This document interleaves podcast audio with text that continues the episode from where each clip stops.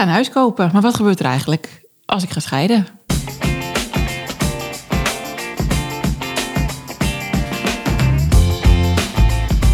Hey, fijn dat je luistert naar de Scheidpodcast. Ik ben Carly Timmerman van Bureau Carbon, host voor gezinsvriendelijk scheiden. En ik ben Anneke de Groot, bedenker van gezinsvriendelijk scheiden en de grote vriendelijke bemoeial voor alle gezinnen. We nemen je mee in de wereld van fabels, feiten, statements en informatie als het gaat over scheidingen of uit elkaar gaan. Welkom.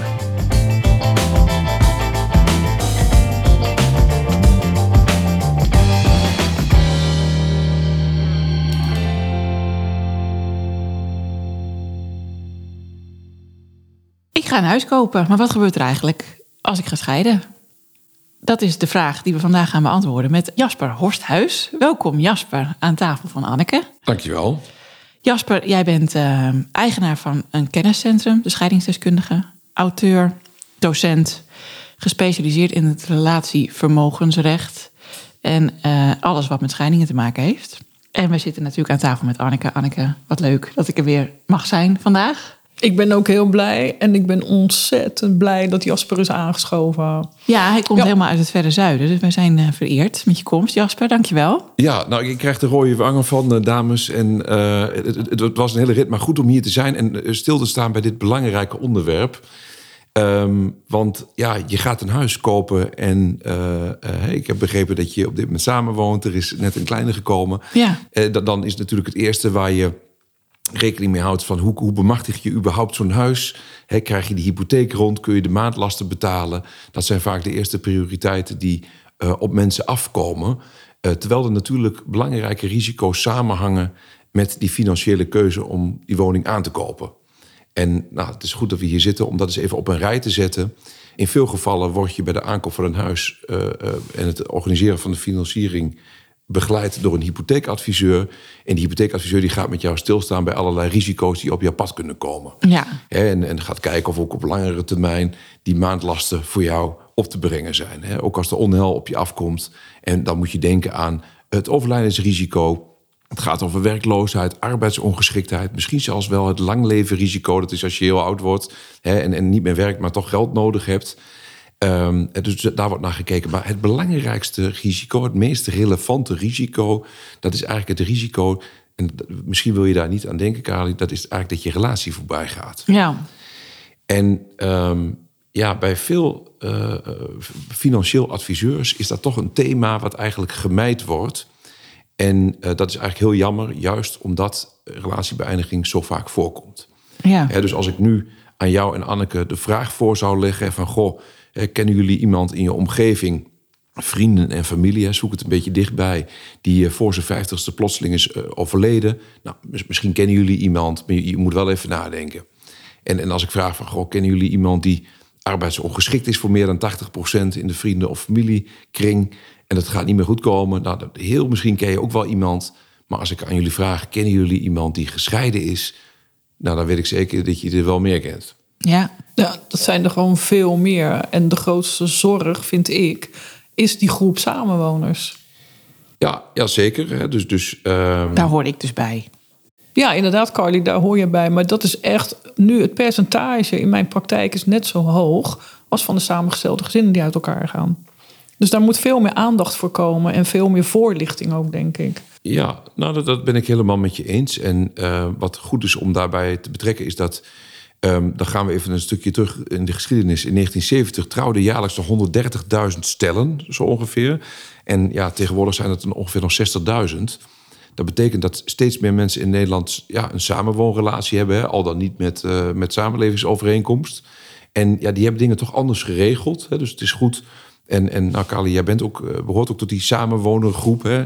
Ondanks dat ik begreep dat je net een overeenkomst hebt gesloten. Dus dat is al een mooie eerste stap. Ja, yes. maar, maar, maar, maar, laten we dan eens even gaan kijken. Hè, van, we hebben net vastgesteld dat scheidingsrisico is dus heel erg relevant maar het risico is moeilijk te bespreken. Laten we eerst eens even gaan kijken... wat is nou precies dat scheidingsrisico voor samenwoners? He, als, dat we dat eerst even op een rij zetten. En eigenlijk zijn er vier onderdelen... Carly, ik richt mij dan toch maar even tot jou. Ja, graag. Um, uh, de vier onderdelen waar jij eigenlijk rekening mee houden, moet houden. Nou, um, allereerst is dat dat tijdens relatie geld mengt. Vermogens verschuiven. Je gaat een huis kopen. Het kan zijn dat een van beiden, jij of jouw partner, misschien wel meer geld inbrengt bij de aankoop van de woning, of misschien een verbouwing gaat betalen, of misschien straks tijdens de rit aflossingen uh, doet op de hypotheek die je gezamenlijk bent aangegaan. En, ehm, nou, en, en met die financiële keuzes, daar horen ook verwachtingen bij. En tijdens de relatie is het allemaal niet zo spannend. En, en veel mensen die, ja, die doen gewoon maar. Dus die, die investeren dat nu bij de aankoop of die gaan die verbouwing betalen. Maar op het moment dat je uit elkaar gaat, dan kun je andere verwachtingen hebben. En dan even op jouw situatie betrokken. Uh, jij hebt 50.000 euro geïnvesteerd in het huis, uh, in een verbouwing. En uh, jij wil bij het moment dat je uit elkaar gaat, wil jij dat geld terug hebben. Ja. want het was jouw geld immers. En je hebt een samenwoonrelatie. Dat betekent dat je gescheiden vermogens hebt. Uh, dus jij wil dat geld terug. Maar jouw partner, die vindt het eigenlijk maar gek. Die had andere verwachtingen. En die heeft zoiets van, ja, dat geld moet helemaal niet terug. Want ja, Carly, jij was degene die zo nodig die nieuwe keuken wilde. Die nieuwe vloer, dat hoeft het voor mij helemaal niet. En by the way, we hebben dat alleen maar gedaan omdat jij uh, zoveel geld had. Ja. Anders hadden we het überhaupt ook niet gekund. En dan, dan moet ik achteraf, het huis is overigens ook niks meer waard geworden door die nieuwe keuken en die nieuwe vloer. He, want ja, wat erin zat was eigenlijk nog wel goed. En dan moet ik nu achteraf even gaan zitten meebetalen. Ben je gek? Dat ga, ga ik, niet, uh, ga ik niet doen. Um, nou, terwijl jij daar misschien een ander gevoel bij hebt. En dan kom je eigenlijk op twee nou, gerechtvaardigde belangen. Iedereen ziet het vanuit zijn eigen perspectief. Hè. Dus laten we maar even in het midden wat hier uh, rechtvaardig is. Um, maar, maar, als je er samen niet uitkomt, dan liggen er juridische procedures op te loeren. En um, ja, die, die duren vaak lang, die zijn onzeker, zijn heel erg kostbaar. Het is ook niet goed voor de verhoudingen. En uiteindelijk, hè, als dan in die rechtszaal die verhoudingen dan nog verder escaleren, ja, dan raken ook zelfs, hè, jullie podcast gaan vaak over, over kinderen, hè, dus daar moet ik dan even aan denken. Die raken ook in de knel tussen vechtende ouders. Nou, dat is één onderdeel van het scheidingsrisico. Geld mengt tijdens relaties. En wat zijn verwachtingen? En uh, ja, je zou je kunnen afvragen, is, is zoiets op te lossen? Nou, eigenlijk vrij simpel. Leg het vermengen van geld vast. Leg die verwachtingen vast. Daar kan een financieel adviseur uh, uh, of iemand die gespecialiseerd is in scheidingen, die kan je daarbij helpen. Dat mag je een onderhandse overeenkomst. Je hoeft geen eens naar de notaris. Uh, dus dat is eigenlijk best wel makkelijk te voorkomen. Maar betekent dat dat ik dan op een keukenpapiertje ga schrijven van nou, ik investeer nu 50.000 euro in de keukenvloer en ik wil dat je de helft betaalt als we uit elkaar gaan?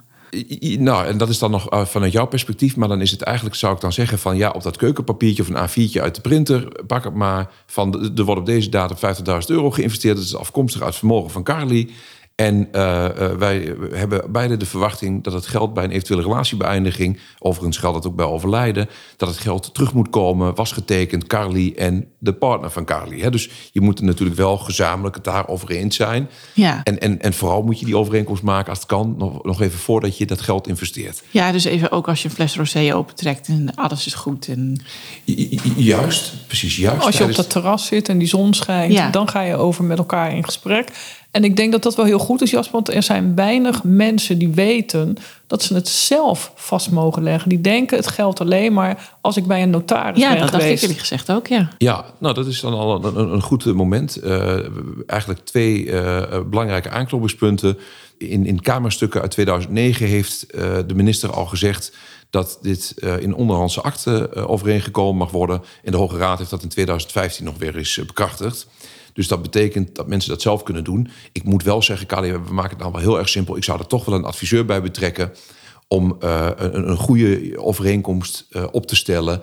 Uh, dus er zijn wat andere aandachtspunten dan alleen maar dat bedrag vastleggen... dat je het beide over eens bent. Het gaat ook over wanneer wordt zo'n vordering nou eigenlijk opeisbaar. Moet zo'n vordering nog meegroeien in de waardeontwikkeling van de woning... of misschien meer dalen. Er zijn nog wat meer aandachtspunten, dus we, we, we slaan het een beetje plat. Hè, maar dat, dat past wel hè, in, dit, in dit kader...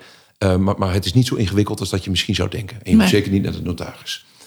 Dus, dus dat is al één onderdeel. Ja. Nou, dat is het vermengen van geld. Twee, dat is je gaat samen schulden aan. En nou wil ik het even het volgende voorbeeldje geven. Is, stel je voor, Carly, tijdens de relatie, wij, wij ontmoeten elkaar. Ik betrek, ik betrek mezelf er ook maar even bij. en, en ik heb al 30.000 euro schuld vanuit het verleden. En wij gaan dan, we zijn dan samen. En, en door jou pak ik de draad weer een beetje op. Ik heb ook een baan gevonden. En uh, nu wil ik uh, een auto kopen voor 10.000 euro. En ik ga naar de bank en de bank denkt van ja, heb je die, eh, die, die, Jasper Horsthuis, die gaan we geen geld lenen. Maar die heeft al 30.000 euro schuld in een tijdelijk contract bij nieuwe werkgever. De zoveelste, daar hebben we geen vertrouwen in. Maar jij bent erbij en jij bent voor de bank wel te, te vertrouwen. Een stuk betrouwbaarder. En dan zegt van nou weet je wat, jullie mogen wel samen dat geld lenen. Nou, zo gezegd, zo gedaan. Er komt een nieuwe lening van 40.000 euro. De oude lening is afgelost. En ik heb 10.000 euro voor die auto. Die koop ik aan. En hartstikke mooi. En we zijn drie jaar heel gelukkig totdat we uit elkaar gaan. Nou, dan uh, mogen het toch duidelijk zijn dat het een gezamenlijke lening is die we aangegaan zijn. Die we ook beide voor de helft moet, terug moeten betalen. Dat vind jij toch ook, Carly, of niet? Ja, dat, dat klinkt plausibel, ja. Nou, dat, dat is dan wel heel fijn, want dan heb ik in één keer een deel van mijn schuld op jou afgewenteld. Ja, dus, eigenlijk wel. Ja, dus het zou zomaar kunnen zijn dat het voor jou helemaal niet goed voelt.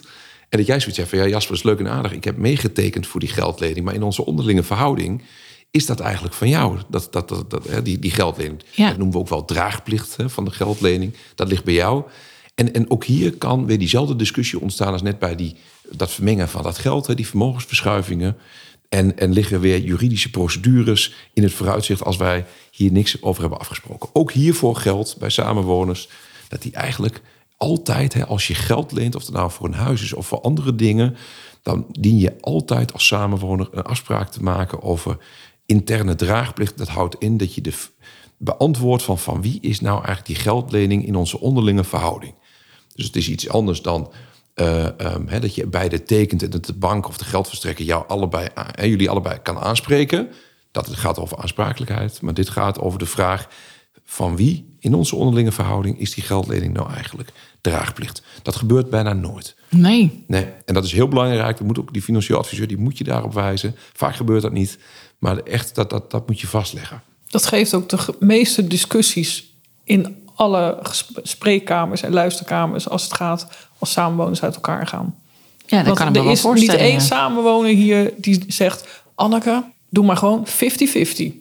Nou ja, dat is natuurlijk ook inderdaad scheef als je er zo over na gaat denken. Ja. Want stel dat Jasper een auto heeft gekocht van 30.000 euro. Ja, dan wordt het dan nog een hogere schuld, bedoel je? En daar ga jij aan afbetalen. Ja, de groeten. Dat Jasper. bedoel ik. Het was leuk, maar eh, nee. Ja. Dus ook dit is een noodzaak. Ja, zeker. Hè. Dus, dus die interne schuldverhouding, dat moet vastgelegd worden. En, en even nog, eh, hè, want dat is terecht wat jij zegt. Wat natuurlijk ook kan gebeuren, is dat eh, ik een, een geldlening heb, een schuld heb. Maar dat Carly vanuit haar inkomen tijdens de relatie, de samenwoonrelatie, meebetaalt een aflossing. Hè. Dus we hadden net dat vermengen van geld. Hè. Dus we gaan weer even naar het eerste hoofdstukje, even een stapje terug. Eh, eh, bij een verbouwing, een aflossing of de aankoop van een huis. Maar het kan dus ook maandelijks kunnen eh, gelden vermengen. Eh, doordat je bijvoorbeeld aflost op een schuld. Hè, en, eh, of, of spaart in een levensverzekering. Hè, dat, dat komt ook voor. Dus dat zijn allemaal zaken die aandacht verdienen. Nou, we, we hebben nu twee zaken behandeld. We hebben gesproken over dat vermengen van geld. En we hebben het gehad over schulden. Ehm, we komen nu bij onderdeel drie. Dat is vaak wat een hypotheekadviseur wel zal bespreken. Dat is woningbehoud na uit elkaar gaan.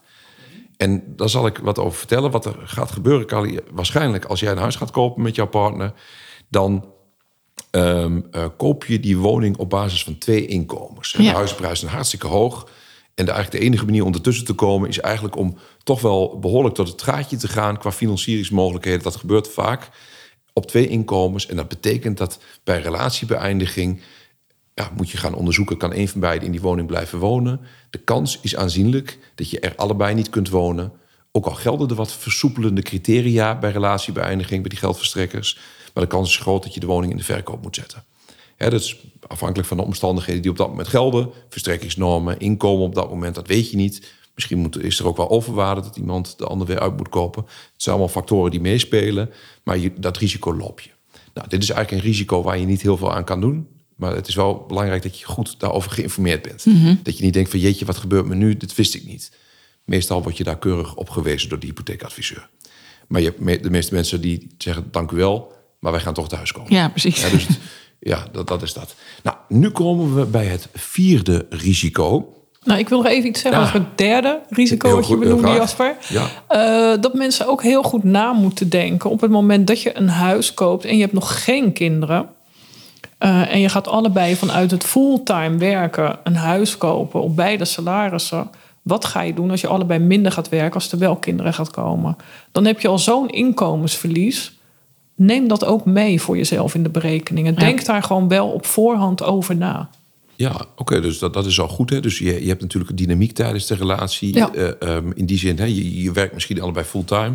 Ehm, nu kunnen we de woonlasten betalen. Maar hoe is dat straks als er kinderen komen? Uh, alhoewel mijn eigen ervaring is, het is lastig te voorspellen hoe dat dan precies gaat. Valt het mee, valt het tegen? Kun je nog uh, hetzelfde geld blijven verdienen? Of inderdaad moet je, moet je terug? Dus het is wel goed in zijn algemeenheid om ja, juist dan niet tot het gaatje te gaan. En wel te kijken wat is voor, voor ons een acceptabele maandlast. Ook als straks onze gezinssituatie verandert. Ja, dus of dat- maak een spaarplan op het moment dat je het wel koopt en je werkt allebei fulltime. Maak dan een spaarplan voor de komende jaren dat één minder gaat werken. Maar zorg gewoon dat je een buffer opbouwt. Maar bespreek het met elkaar. Ik Ja. denk dat dat gewoon het uitgangspunt altijd moet zijn. Ja, sowieso. En misschien kunnen we dan ook even inderdaad de brug slaan naar onderdeel 4, wat eigenlijk ook wel wat raakvlakken heeft, Anneke, met wat jij eh, eh, hierbij betrekt. En dat vind ik eigenlijk misschien nog wel het belangrijkste risico, Carly, waar je bij stil moet staan. En dat geldt ook voor de, voor de andere luisteraars die in eenzelfde soort situatie zitten.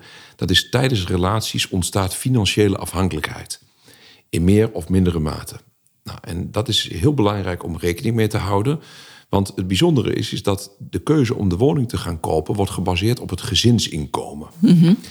En ehm, ja, wat, ik, wat, wat erg gebruikelijk is in, in, in hypotheekland... als je een huis gaat kopen, dat je ongeveer 4,5 tot nou, vijf keer je inkomen... je jaarinkomen kan lenen als hypotheek. Ja. dat is een soort van vuistregeltje. Dus eh, stel je voor, je verdient 30.000 euro... dan kun je voor 150.000 euro lenen. Maar wat er dan gebeurt, en dan, ik zal een extreem voorbeeldje geven. Ehm, als Maarten en Vera, ik hou toch dat voorbeeld maar weer aan. Ik had gezegd, ik wil deze podcast Oh, geen Maarten, geen Maarten en en Vera. Nou, dan moet- dan moet horen. dit eruit geknipt Want die worden. hoor ik al acht jaar van ja, Jasper. ja, ja, precies. Ja, ja inderdaad. Oké, dus dit kan er even uitgeknipt worden. Ik, ik ga beginnen met een nieuw eh, voorbeeldje. Ja, dus eh Carly, eh, stel je voor... eh, jij gaat met je partner een huis kopen. Ik, ik, ik ken je financiële positie niet, daar hoef ik niks over te vertellen. Maar jij eh, eh, bent vooral aan het zorgen voor de kinderen. Jij verdient 10.000 euro per jaar bruto. En jouw partner die doet het goed, die verdient 100.000 euro per jaar. Nou, dan is het niet uit te sluiten dat jullie misschien wel een huis kopen van 5 ton. En, en een hypotheekadviseur zou zeggen: Oh, dat kunnen jullie prima betalen. Hè, want jullie hebben samen 110.000 euro inkomen. Dat, dat, die hypotheek krijg ik wel rond. En, en dan als samenwoner koop je dan samen dat huis. En in de eigendomsakte staat dan meestal dat je dat allebei voor de helft hebt aangekocht, het huis. Maar dan heb je dus toch op basis van 10.000 euro bruto een huis gekocht van 2,5 ton. Met ook een, een hypotheekdeel, hè, de helft, van ook 250.000 euro. Je hebt dan 25 keer jouw inkomen geleend. Ja. Dat is best bijzonder.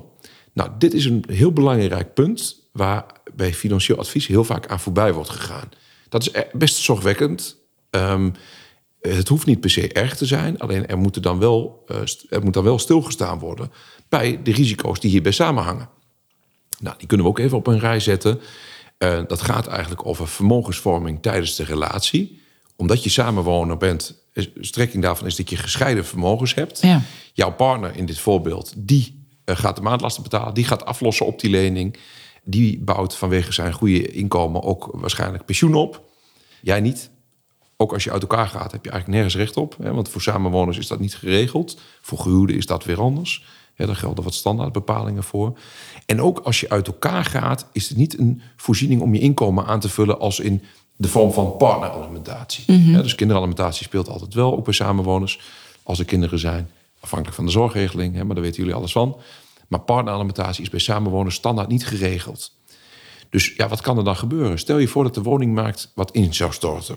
Hè, dus, dus, en je gaat over drie jaar uit elkaar. Het huis staat 50.000 euro onder water.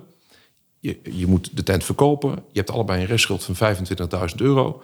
Nou, voor jouw partner is dat een jaartje zich boos maken en het is afgelost. En voor jou succes de rest van je leven. Ja. Dus eigenlijk, als, als dit de situatie zou zijn, en het gebeurt veel, hè, dus in meer of mindere mate is er altijd sprake van inkomensverschil en eh, financiële afhankelijkheid in het verlengde daarvan, moet je dus ja, goed nadenken wat je daarover afspreekt. Welke risico's eh, eh, eh, horen daarbij? In dit geval past dus eigenlijk dat risico niet bij jouw financiële positie. En moet je eigenlijk op je, toch wel op je strepen staan en met je partner in gesprek gaan en zeggen van hé, hey, ik wil de relatie in zakelijke zin wat opwarmen. En wat betekent dat? Dat betekent dat ik, hè, want de rest was al goed, maar dan moet het zakelijk ook nog goed geregeld zijn. Ik wil eh, toch afspraken maken dat tijdens dat we samen zijn, dat de helft van jou, hè, dat, dat, dat jouw inkomen en mijn inkomen dat op één pot gaat. Dat we samen financieel ons ontwikkelen, dat we samen groeien. Alle aflossingen op de hypotheek die tijdens de relatie plaatsvinden per maand, dat die niet worden verrekend bij een scheiding, kun je bijvoorbeeld afspreken. Daardoor doe je ook aan vermogensopbouw. Misschien moet je afspraken maken over dat je de pensioenen wil verevenen op het moment dat je uit elkaar gaat. Dat kan. Je kunt als samenwonen, net als bij gehuwden, ook die afspraken maken. Let op, er zijn pensioenuitvoerders die daar dan weer niet aan meewerken. Maar dat neemt niet weg dat je wel onderling die afspraken kunt maken. En je kunt zelfs ook zeggen van nou, wij vinden het ook redelijk dat uh, als we uit elkaar gaan, dat er toch sprake is van partneralimentatie, gezien die uh, verhoudingen die er waren tijdens de relatie. En ook wel de keuzes. Hè? Dus wat Anneke net aanhaalde. Hè, als je het een gezamenlijke keuze is dat jij minder gaat werken, minder investeert in, jou, in jouw bedrijf. Um, um, en de andere partner zich door kan ontwikkelen op zijn werk. Ja, dan is het wellicht ook redelijk om dat soort keuzes te maken. Ja. Alleen het, het probleem is, is dat we in ieder geval, dat is mijn observatie, is dat we uh, ja, te veel uitgaan van hè, ik moet onafhankelijk zijn, uh, ik wil niet afhankelijk zijn van mijn partner. Maar de realiteit is dat je dat eigenlijk toch in veel gevallen uh, wel kunt zijn.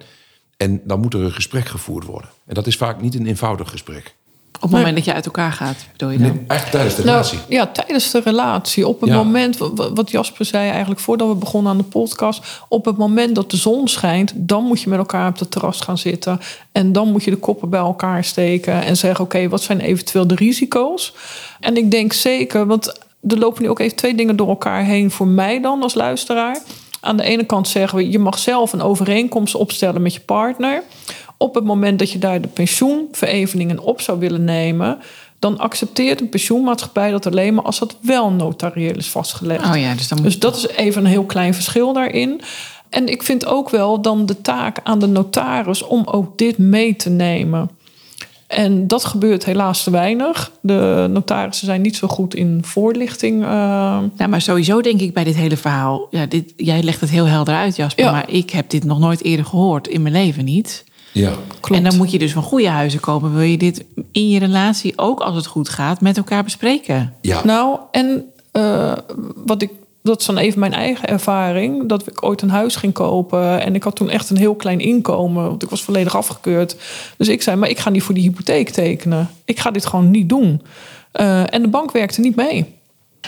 Terwijl mijn toenmalige partner gewoon heel makkelijk dat huis kon kopen. Mijn inkomen was niet eens nodig, verre van dat. En de bank weigerde mee te werken. En dan vind ik, ja, wat doe ik dan als consument? Dan sta ik gewoon met mijn rug tegen de buur. Want een bank zegt tegen mij: als jij niet tekent, geen hypotheek.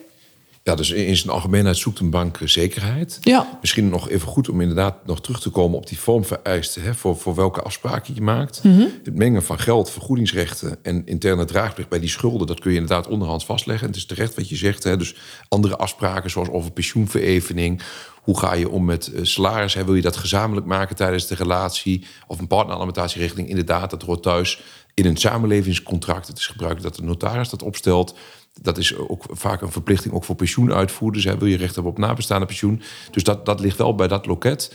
En, uh, um, maar, maar, we zien in veel samenlevingscontracten, die we vaak pas bij scheidingen zien, ja. dat, dat, het, uh, dat erin staat: er is geen uh, gezamenlijk vermogen, pensioenen worden niet verevend en by the way, er is ook geen partneralimentatie. Dus Ja. dat is redelijk koud. Ja.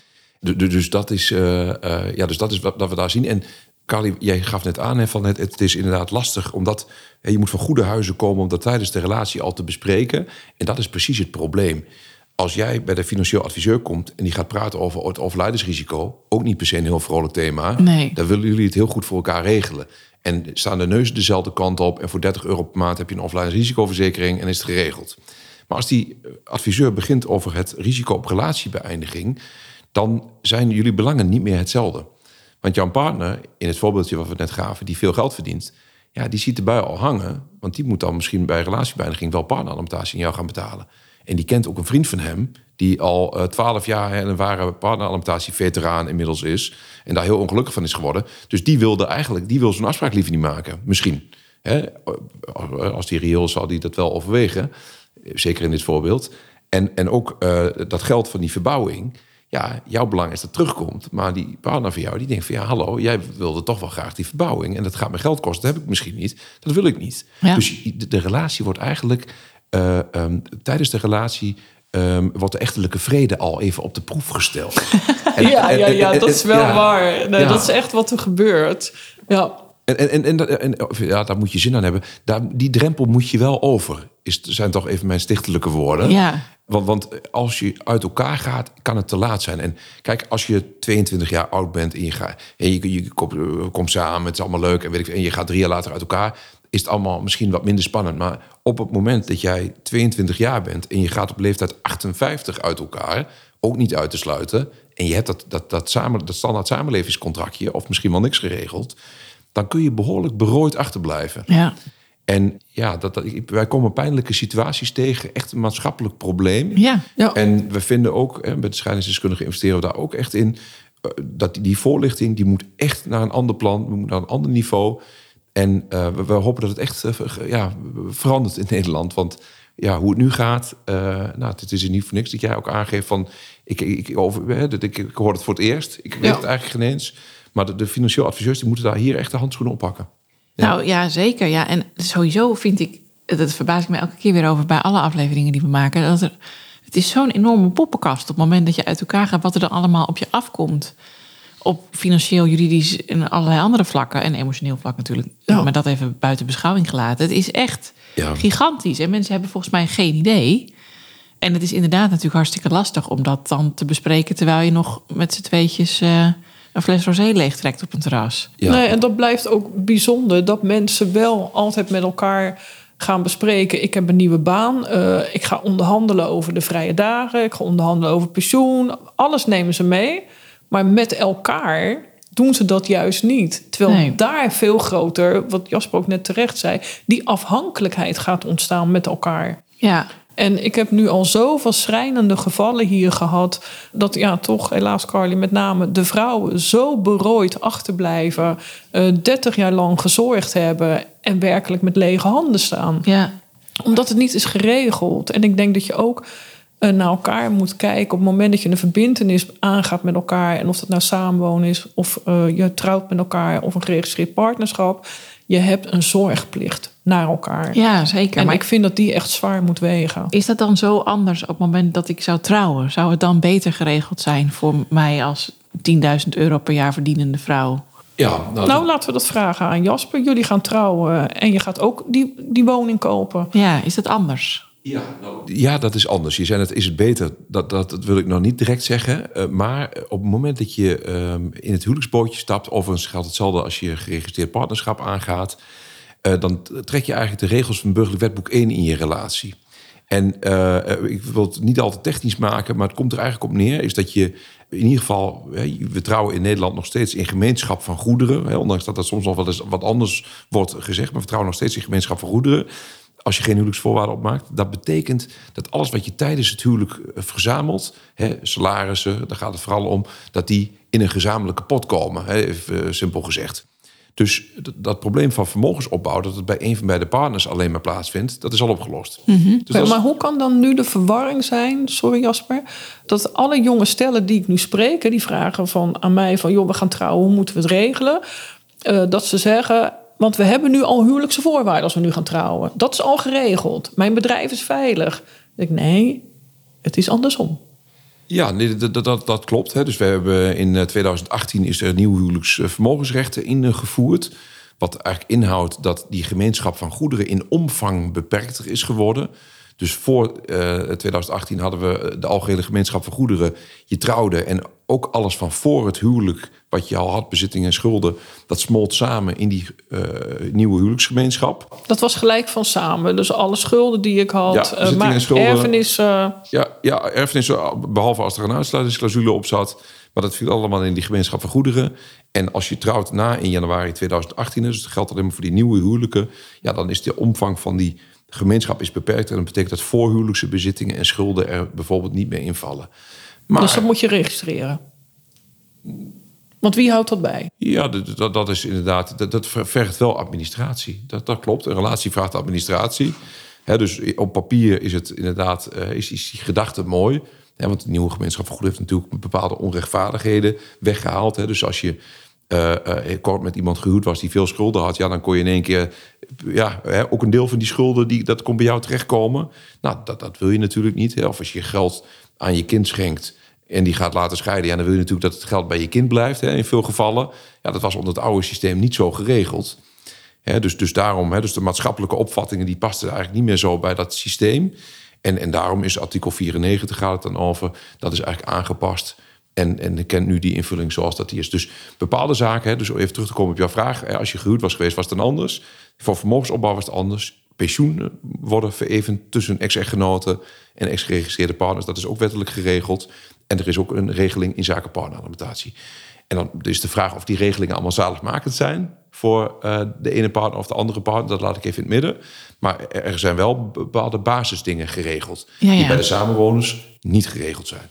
En dat maakt het voor jou hè, en voor alle samenwoners in Nederland extra belangrijk om hier aandacht aan te besteden en zich daarover goed voor te laten lichten. Ehm, op- en dat kun je maar beter doen nu het nog goed gaat. Ook al zeg je het is een hele uitdaging, maar het wordt een nog grotere uitdaging op het moment dat je uit elkaar gaat. Zeker. Dus, dus dat is eigenlijk, je hebt niet de luxe om ermee te wachten. Amen. Ja. Ja, ik, eh, ik neem dit zeker mee. Ja, ik heb dus nu, ik zit even over mijn eigen situatie na te denken. Ik heb een eh, over, samenlevingsovereenkomst laten opstellen. eh, Dankzij Anneke en alle andere podcasts. Maar ik zit nu te denken, ik heb geen idee eigenlijk hoe dit hierin staat. Waarschijnlijk heeft de notaris dat vast even aangestipt. En heb ik gezegd, ja, ja, ja. En toen hebben we een handtekening gezet. Hoe zorg je er nou voor dat je daar dus nog bewuster van wordt? Ja. Nou, dat ook dat laten checken, denk ik, door een financieel expert. En zeker iemand die eh, bekend is met de scheidings. Ja, dus ik, ik denk dat een goede financieel adviseur... die zou eigenlijk tijdens eh, zijn, ja, het financieel advies... ook jouw samenlevingscontract daarbij betrekken. Ja. En ook wel dit soort knelpunten die ik eigenlijk noem... zouden eigenlijk naar voren moeten komen. Maar ik, ja, ik maak me er wel een beetje zorgen om. Want vaak ligt de focus bij hypotheekadvies op... eh, ja, de hypotheek rondkrijgen, een goede rente... Het moet morgen geregeld worden, want je wil vandaag je bod doen. Ja, Ehm, dus er zijn andere uitdagingen die haak staan op goed financieel advies, wat tijd kost ja, en ook geld kost. ja. En eh, dat is de volgende vraag. Hè. Zijn mensen bereid, als je nu een samenlevingscontract eh, gaat eh, aangaat, ik weet niet wat je ervoor hebt betaald, maar mensen vragen van, goh, wat, wat kost het? 2, 3, 400 euro. Maar eigenlijk kost het wel 1000 of 1500 euro. Want die notaris die moet zeggen, ik moet u leren kennen. Ik ben benieuwd wat uw wensen en verwachtingen zijn. Ik heb daarbij, moet ik ook kijken hoe u het financieel geregeld heeft. Du- du- Dus dat, ja, daar ligt best veel onder om tot een goed samenlevingscontract te komen. Ja, en je zou bijna denken dat je eigenlijk dus ook allebei je eigen financieel adviseur zou moeten inschakelen die jouw belangen behartigt, ook al tijdens de relatie. Nou, dan zet je het wel heel erg op scherp. Maar de, de- de- op, op zich zou één, één, één on- onafhankelijke eh, eh, eh, adviseur zou dat prima kunnen doen. Ja, Ehm, maar goed, je ziet wel in, in, in situaties waarbij de belangen groot zijn... of er is al een onderneming bij betrokken of een vermogende familie... Ja. Ja. dat dan toch eens een van die beide ja, partijen... mag ik het eigenlijk niet noemen, maar laat ik het toch maar doen... dat die zich dan toch laat bijstaan door een eigen adviseur. Ja, Ja. Dat, dat kan. Dus het is niet, ja, niet, niet uit te sluiten. En dat is wel veel voordeliger dan een notaris. Dat wordt ook vaak onderschat. Als je naar een goede financieel adviseur gaat en die neemt echt voor jullie de tijd, gewoon twee, drie uur, gewoon een hele inventarisatie met jullie te maken. Hé, wat zijn jullie verwachtingen? Wat zijn jullie wensen? Wat zijn jullie zorgen? Wat moet er in de overeenkomst komen tussen jullie twee? Ja. Dat kan je meenemen naar de notaris. Die gaat het vertalen. ja, ja, precies. Ja, dus dat zou je dan nog kunnen doen. Ja. Goed, dus eigenlijk is de boodschap eh, trouw vooral, want anders dan, dan moet je zoveel regelen. Nou, zover zou ik niet willen gaan. Nee, ik ook nee, niet. Nee, maar, maar, maar besteed er wel aandacht aan. Dus dat, dat, dit is wat een relatie met zich meebrengt. Ja, En eh, ja, je- de- je neemt een gok als je er geen aandacht aan besteedt. En het bij de scheiding eh, maar ziet. Ja, dat, dat zou ik je willen afraden. ja. Ja, Ja. Oké, nou, met deze stichtelijke woorden sluiten we de podcast, denk ik, Jasper. Heel graag. Dank voor je heldere verhaal. Dankjewel. Je kunt wel merken dat je docent bent. Mooi hè? Ja, zeker. Ja. En eh, nou ja, ik hoop dat we je snel nog eens spreken. Dat zou eh, heel erg gezellig zijn. Wat jij, eh, Anneke? Absoluut. Ik kijk altijd een Jasper uit. Ja, Met plezier. Dankjewel. Dankjewel. dankjewel. Fijn dat je hebt geluisterd. Heb je een vraag, een tip of wil je gewoon even je eigen verhaal kwijt? Laat het ons weten via info.gezinsvriendelijkscheiden.nl Oh, en eh, je mag natuurlijk altijd een beoordeling achterlaten, sterren uitdelen of de aflevering delen met je vrienden, familie of collega's.